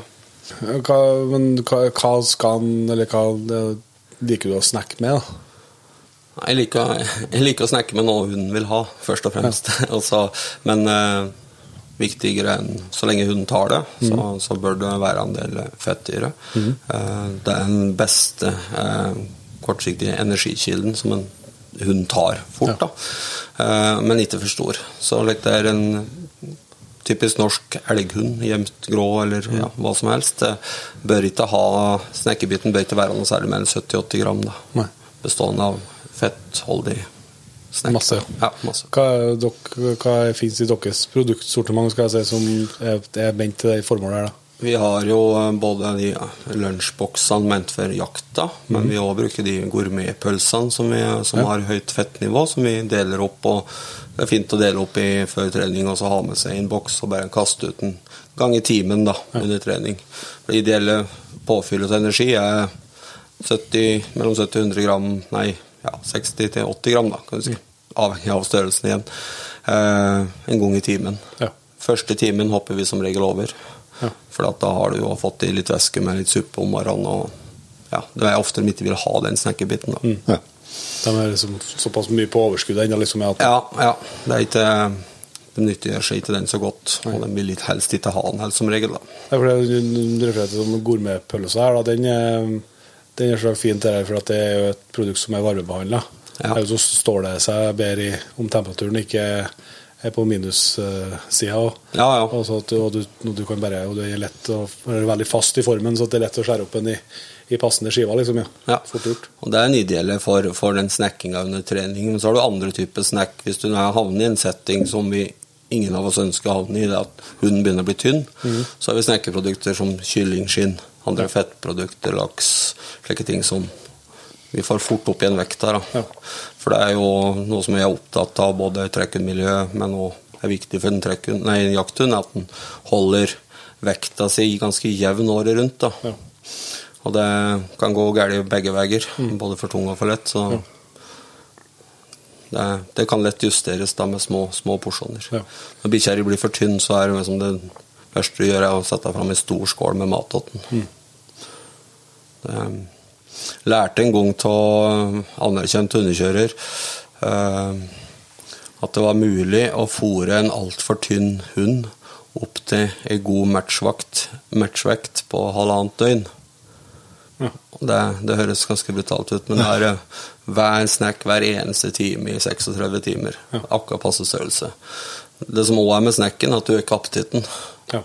Um, når julekvelden, så, så fyller vi opp tallerkenen maks, og det er den porsjonen vi spiser. Men eh, vi Ja. Du, du vil ikke ha mer. Nei. Nei. Du må gjerne drygge to-tre to, timer før det begynner dessert, ja. Ja. Så, men det, så det vil si at hvis du har en hund som har Det er et veldig godt tips. Hvis du har en hund som er, har blitt for tynn, så er det ikke noe vits i å prøve å øke mengden én gang i døgnet. Nei, det, heller- men, men økt mengden, men fordelt på flere porsjoner gjennom døgnet. ja, det er ikke sikkert du trenger å øke mengden så mye på totalfòringa di.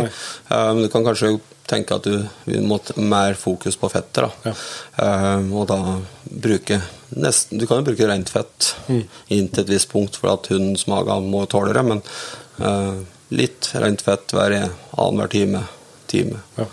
Så fôrer den fort opp igjen. Ja. Og Dette er jo, en, er jo en, viktig for veldig mange jegere som, er, som, ikke, ja, som, som trenger den informasjonen der. For at eh, du greier, det er fullt mulig å få opp igjen uten å stå i uke. Hvis vi tar eh, da litt uh, kaller jeg etter eh, trening og jakt, da. Eh, eh, bør den eh, altså, Det vil jo selvsagt være litt forskjell på den typiske treningen her, for da har du den snekkinga, så at du på en måte kan time litt uh, timer her litt eh, sånn. Men, eh, men mer en sånn klassisk jaktsituasjon, altså at du får tilbake hunden etter to, tre, fire, fem timer. Eh, og så får du tak i noe tilbake eller altså, det er ikke noe lam inn, så du kan gi den eh, noe mat. Den- bør den få noen ting med en gang? Ja, Hvis det er en pause i dagen Ja, eller, ja, at dagen er ferdig, da. Ja, Hvis dagen er ferdig, så, så vil jeg Hvis det er vært en hard dag og hunden er sliten, så vil jeg prøve å få, få inn litt karbohydrater. Eh, og det er jo, er jo gjennom tørrfôr så fins det karbohydrater. Men det er jo mange som bruker popkorn, puffa ris, et eller annet. Det, det, det er grunnlaget for en bedre restitusjon. da. Det er en liten mengde. Det er en veldig liten mengde. Altså det er en liten neve med tørrfôr på, en, eh, på en typisk gråhund gjemt. jevnt. Ja. Eh, og sjølsagt rent vann. Tilgang på vann hele tida. Ja, for da er tanken at du skal ete tørrfôret eller popkornet, og så bli tørst, og så drikke, drikk vann. Da har du noen ideelle grunnlag for restitusjonen din. Da. Og da videre så er det da svært viktig med en tørr liggeplass. Men òg det at, som vi har snakka på, at ja, det er trivelig å ha med seg bikkja inn på hytta under varmt bol. Og, men det er støy og uro inne på hytta, så ro er like viktig altså, for en god restitusjon. Så er det tørt og grei temperatur, så la hunden hvile godt ut i Begynner i hvert fall restitusjonen sin i kassa i bilen. Mm. Du kjører fra skogen og til hytta eller hjem igjen, så har du en halvtime, tre kvarter kjøring. Utnytt den tida en par timer til før du gir en god fullfòring, da. Og da, etterpå da, så fortsetter jo restitusjonen, men det er kanskje det at du kan ta den med inn i hytta, eller ja, gi en litt mer space, da. Hva du gjør eh, så når det kommer til antall fôringer på en måte i off-season og i sesong? Nei, altså som vi er tilbake, altså ofte du kan uansett, men det er jo litt mitt, eh, min egen latskap og velvære at du går kanskje ned på bare to fôringer om dagen. Eh, I slik som nå er hjemme, så er det veldig dårlig matlyst i den varmen som er nå, så da er det tilgang på rent vann og en, en snill fôring eh, halvannen gang. Vi kaster litt tørrfòr om morgenen vi plukker møkk, og så, og så gir vi en fullfòring om kvelden. Ja. Eh, anbefale, eller anbefale Jeg, jeg mener og tror at det er lurt å gi den ganske seint på kvelden. For den der eh, appetitten i den steikevarmen som vi har nå, den er ikke eh, For hvis de ikke så høy, og spiser dem, så blir de jo veldig mye tyngre i kroppen og fort varme. i kroppen, Enda varmere i kroppen. Det går an å kjenne seg igjen sjøl, det òg. Ja, det gjør det. det er, så det er ganske mye. Vi er Vi mangler bare at vi sier voff, vi òg. Når uh, jakta er i gang, da, eller uh, sesong, fullsesongen er i gang med trening og sånt, for mot da eh, er både to og tre ganger Altså de dagene de ikke er. Altså, en ting er, så, en ting er hvis du er ute og du har snakka om kjøttsuppa om uh, morgenen, uh, snacking underveis, og så et hovedmåltid på kvelden. Da har de måte fått mange måltid gjennom snackinga. Eh, Potensielt hvis det er en lang tur, da. Visualisering av det, så bør ideelt sett så bør jo da eh, energien de skal ha i løpet av døgnet, være 70% gjennom snack Ja. og 30% gjennom middag og Ja. frokost. da. Uh, og Det skjønner jeg er veldig vanskelig for mange typer jaktformer. Ja. Uh, men å strekke seg litt imot det. Småporsjonene er veldig viktig under, når det er høy aktivitet. Mm. Men så, bare sånn eh, eh, Bør den vente til du snakker om ma- magetreninga? Altså, hvis du tar den gourmetpølsen som eksempel, da. Når du, de har fått den snekken, begynner du å kjøre igjen med en gang, eller venter du? Nei, den kjører vi med en gang. Ja. Den, er så liten at den skal Det har ikke noe, ikke skade til, liksom? Nei, nei. En sånn 70 Det er jo litt større enn en fyrstikkaske med, med feit, så, så gjør ikke den noe, utgjør ikke den noe stor risiko for magedreining. Nei. Hva, hva er liksom det Dere har jo et voldsomt eh, utvalg i forskjellige fôrprodukt, eh, altså hele linja med tørrfôr, sagt, fra valp og til super, eh, superaktive hunder. Ja. Dere har òg forskjellige typer av våtfôr. ja. Det er en liksom Ja, vi har jo brukt en som heter Hvalmix. Eh, Vi brukte i flere år og er veldig godt fornøyd med i kombinasjon med tørrfôr. da. Ja. Eh, både for at eh, ja, du sier, litt, eh, kanskje litt karbohydrater, men òg for tennene sin del, for at det, er litt motstand. Mm. og likeens at nå har muligheten da, til å flytte dem over på rent tørrfôr hvis det er trangt som dager hvis du skal til fjells, eller ikke er så enkelt å ha med seg enkelt å ha med seg våtfôr. da. Eh, men det er jo et viktig tema, uh, fôring, og måtte finne ut hva som funker for, for din hund eller dine hunder. Men, men nå eh, vi snakker om snacking og fett og her, òg, at en ikke kanskje bør introdusere noe nytt for en uh, fuglehund 10.9. eller for en elghund 25.9. At en bruker tida vi har nå før jakta, hvis en skal skifte fôr eller har lyst til å ha et tillegg i fôret, på å tilvenne dem litt over tid. Ja, og det er, det er jo Vi er jo inne på at du under jakta så bør du i hvert fall ha forberedt hunden og være oppe på et fôr som har et høyt fettinnhold, da, som er den beste energikilden. Og det må du introdusere tidlig på sommeren. Eh, og det er, er jo forskjellig for hunder. Noen kan du Ja, gå rett på et høyt ja. fett, men det er, en, det er dumt for å ta den risikoen. Ja. For hunden din kan jo stå de første 14 dagene i jakta. Eh, Så at du begynner nå i hvert fall i juli å introdusere for litt av den fettkilden du ønsker å bruke utover høsten. Om det så er et eh, kraftigere tørrfôr eller rent fett av noe slag, gourmetpølser. Um, Hvalmiksen er jo fin òg, for den kan jo òg brukes som et fullfôr. For den er vitaminisert. Sånn som nå på de dagene som er nå, når det er varmt, kan en egentlig gi dem det når det er sånn bortimot frosset eller uh, Ja. halvfrosset? Det er, mange fordeler med den. Du gnager litt på tennene og, og øh, væskebalansen. Mm. Kjøler litt ennå.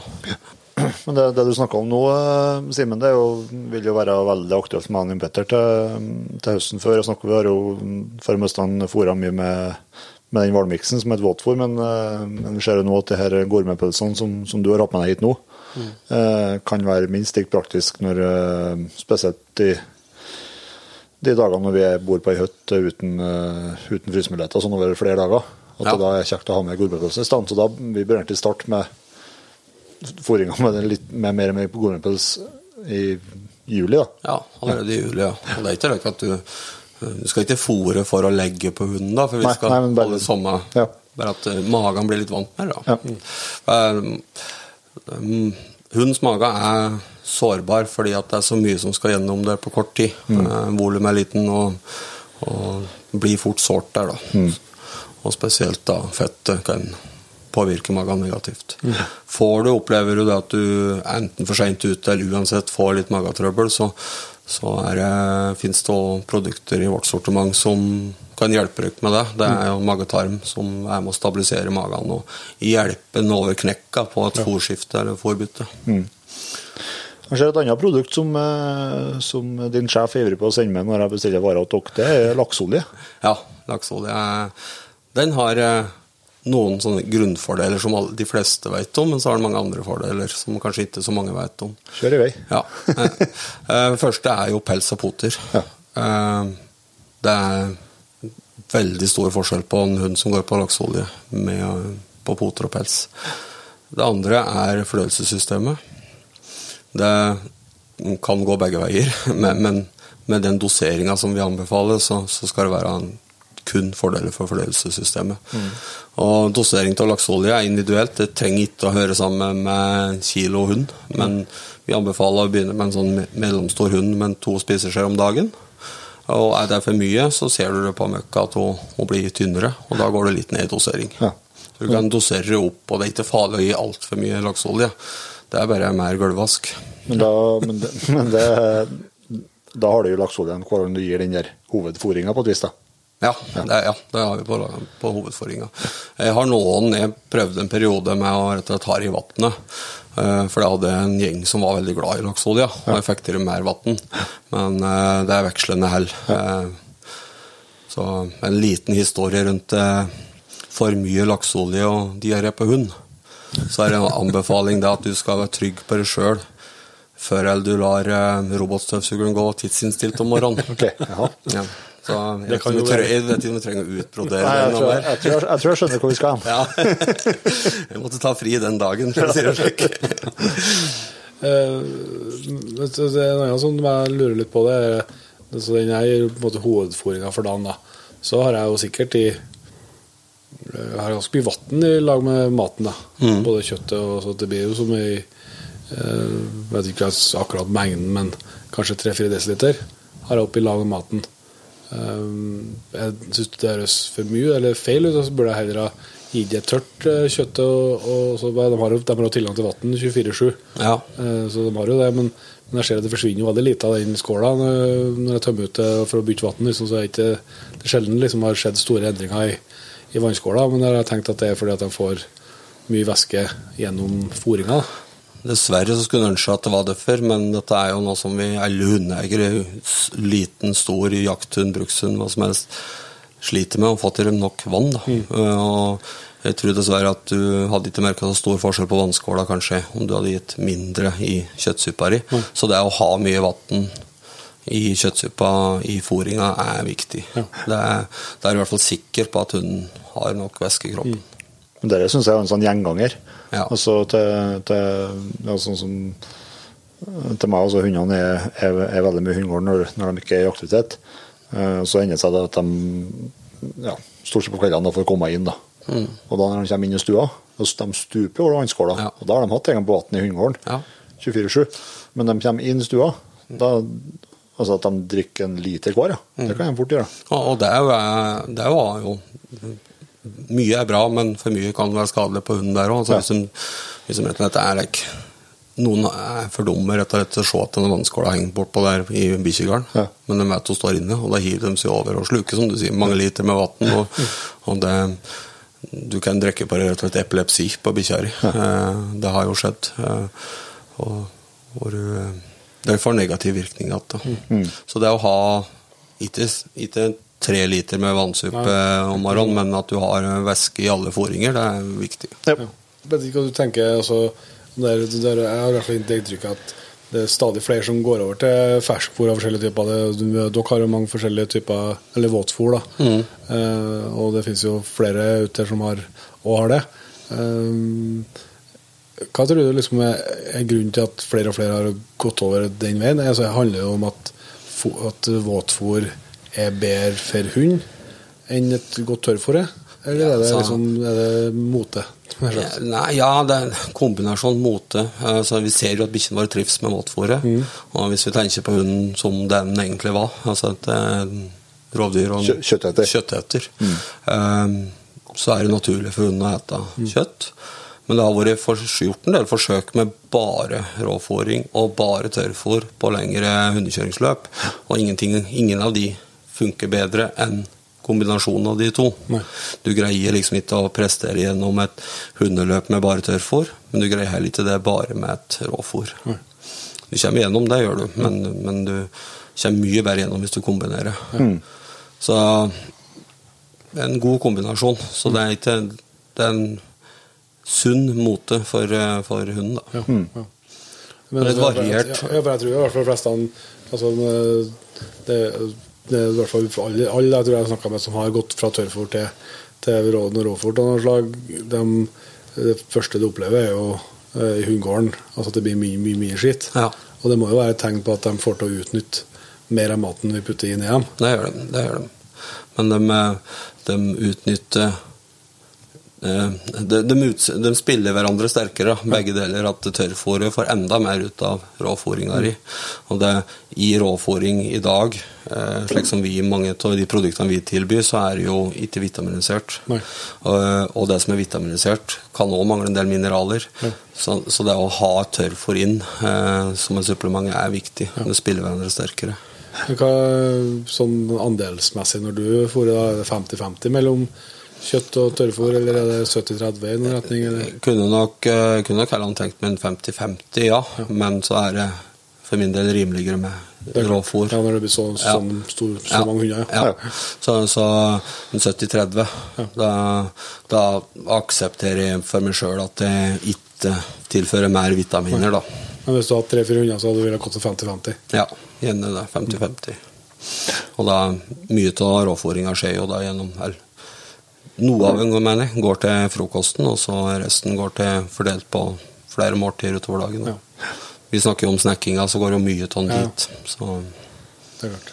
Ja, da har vi jo eh, fått eh, god innføring eh, i- det med fôringa. Hvis vi, eh, både igjen som et punkt har jo kommet igjen i, selvsagt, i, i flere, flere punkter tidligere i praten nå, men eh, det som kanskje ikke Det er så mellom hver økt. Da. Du snakka liksom om antall dager eller antall dager i uka du kunne trene, men eh, bør man eh, tenke på hvile, altså rene hviledager? ja, du, du bør ha altså slik Treningsmessig så legger vi opp til en 2-3 pluss 2-3 muskelkondisjon, og så bør du ha i hvert fall en hviledag. Helt hviledag, kanskje to òg. Dette er jo det kommer jo an på insaniteten din, Yes. eh, varme, fuktighet altså Det er mange forhold som spiller inn her, så du må gjøre litt det som du Du kan ikke høre bare på med, du må se på hunden din. Eh, og så er det lese av hunden, og så ser du hvordan han responderer på både hvile og trening. Eh, ja.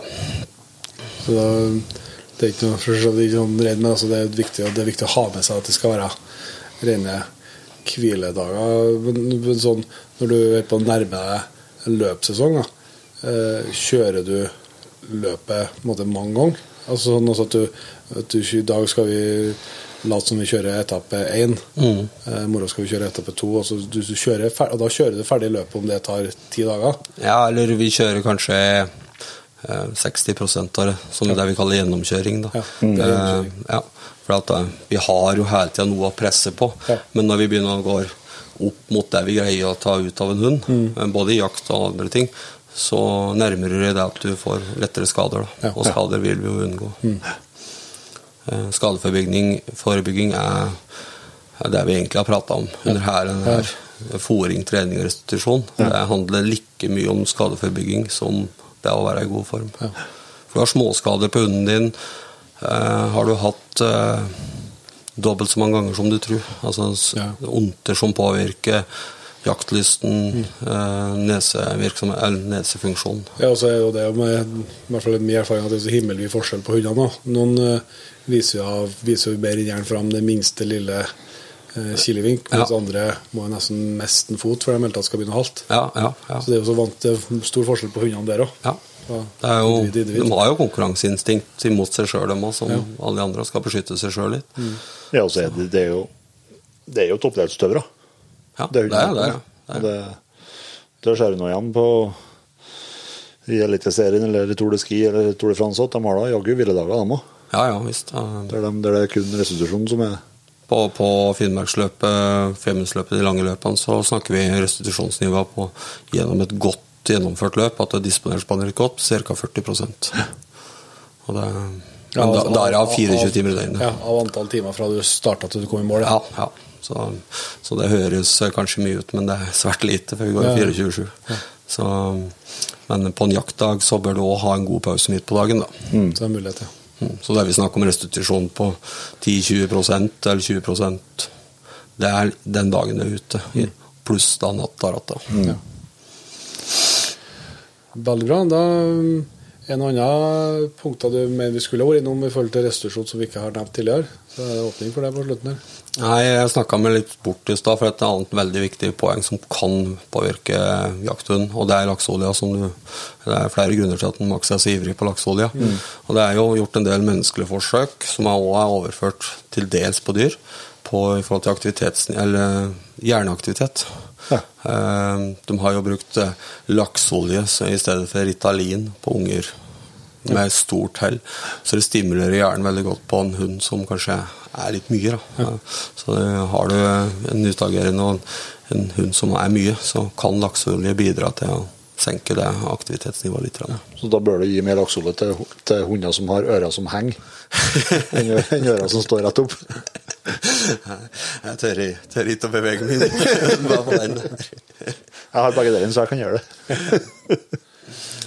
Veldig bra. Nei, men Da tror jeg vi har fått uh, Selvsagt ikke svar på alt, for det er langt mer eh, eh, av kunnskap du besitter, uh, Simen, vi har ikke fått ut på den tida her, men i hvert fall fått en, en bra start. eh, jeg har lært nye ting, og det er jeg ganske sikker på at uh, de som har vært med oss hele tiden så har eh, gjort. Og det har absolutt også vært til inspirasjon. Men før vi runder helt, da, så, så har vi jo noen punkter som vi må ha med oss eh, alle våre gjester i Jegerpodden eh, med på. Ja. Eh, og nå har du jo kommet med veldig mye tips både til trening og fôring og restitusjon og utstyr og hele opprennet, men hvis du skal trekke fram et beste jakttips, da? Eller hundetips du kan få Eh. Jakttips, det, det tør jeg nesten ikke å bevege seg innpå, men gjør et lite et. da. Et sånn der eh, trygt jakttips. Og ikke ha så mye forventninger når du går åt skogen. Oi. Det er vel egentlig det jeg syns er et motto for meg. da. Ja. Ta det som det kommer. Ja, ta det litt som det kommer. Det er, du får ikke kontrollert så mye mer enn det. Nei, det er et poeng, det. Han på sida, vet du, han, hver gang det blinker i trekkeren at det er los, Mm. det, da er jeg storokse til han, vet du. Hver, hver en los. Den Det er mest fortere òg, ja. Ja, du, du vet det er fort. Men jeg får det fort, jeg får det fort igjen nå. Um, hvis, det, hvis, du- hvis du har lyst til å trekke fram noe om det er jaktutstyr eller hundeutstyr, hvis det er noe, noe du spesielt vil trekke, trekke fram som du er ekstremt godt fornøyd med, hva skal det være? Ja, det, er jo, det er en liten ting, men jeg, jeg elsker hundesokker. Ja. Altså Hundesokken har Det forandra har, det har jeg begynt å skjønne. Ja. Eh, det, er, eh, det, det gjør så hverdagen så mye bedre for hunden. Det, jeg har jo innimellom eh, utsatt fingrene mine for eh, ekstremforhold og sprekker og tørker på hendene, og du får ikke holdt i spikeren og slått den i veggen. Så det blir litt samme for hunden. Altså. Det, det er viktig. Så det er mitt Det andre fikser vi på en eller annen måte, men hundesokken den greier ikke å løse på andre måter. Og Hvis du da har vært flink og sett på filmene som vi har laga, der, der, der du viser fram hvordan man skal sette dem på korrekt, Ja. så er det ikke så dyrt heller. Nei. Hvis du får dem med deg hjem igjen. Nei, det er sant det. Du må ha dem med hjem igjen. Ja, og så så et tips der som vi kanskje ikke nevnte i forhold til spotsokker, det er jo selvsagt å, å introdusere Om ikke, om ikke du skal gjøre det på alle treningsøkter hvis du ikke må, så i hvert fall, introdusere det som en del av, av sommertreninga, sånn at hun er vant til den følelsen på fotene. Ja. Sånn at det ikke blir For de spede forsøkene jeg har gjort eh, tidligere med sokker, har vært i, ja, i desperasjon når eh, du får det her berømte kn- knaseføret eh, som kan skjære på labbene. Det er det er noe man setter på sokker, og så har de aldri hatt på sokker før. Og for å selvsagt se ut som Donald på glattisen og, og ligge og rulle til de har fått dem av.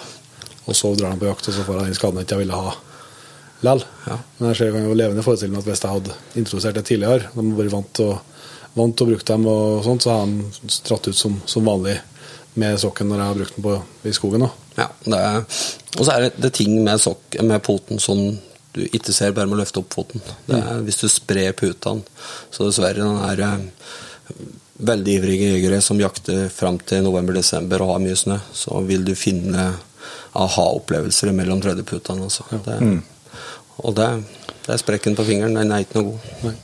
Så vet jeg en annen ting som du kommenterte tidligere her, og det var at eh, det er jo det er jo flere og flere som er flinke til å ha med seg et uh, førstehjelpskit i sekken, både til seg sjøl og til hund. Ja.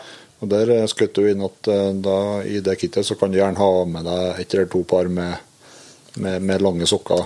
Lang komfortflis, som Ja. det vi kaller det, som jeg ønsker at folk har, i flere og flere jegere har med seg. Du er langt inn på Snaufjellet, du får et stygt potekutt, og enten må du bære hunden ned igjen, eller så har han det forferdelig vondt med å gå ned til steinura med komfortflisen, så, så vil du ha en grei tur ned igjen. Mm. Det er en, han veier ingenting og brettes fint inn i førstehjelpsutstyret.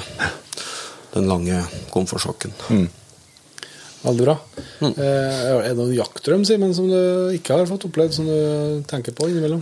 Ja, ja, jeg har så vidt nevnt det, og Jan Christian, kollegaen min, vi snakka om det denne uka her. og det, Jeg har jo en kompis som uh, gjorde en uh, fantastisk, hadde en fantastisk opplevelse som ikke jeg får garantert oppleve, antageligvis. Det er jo på, på Kamtsjatka.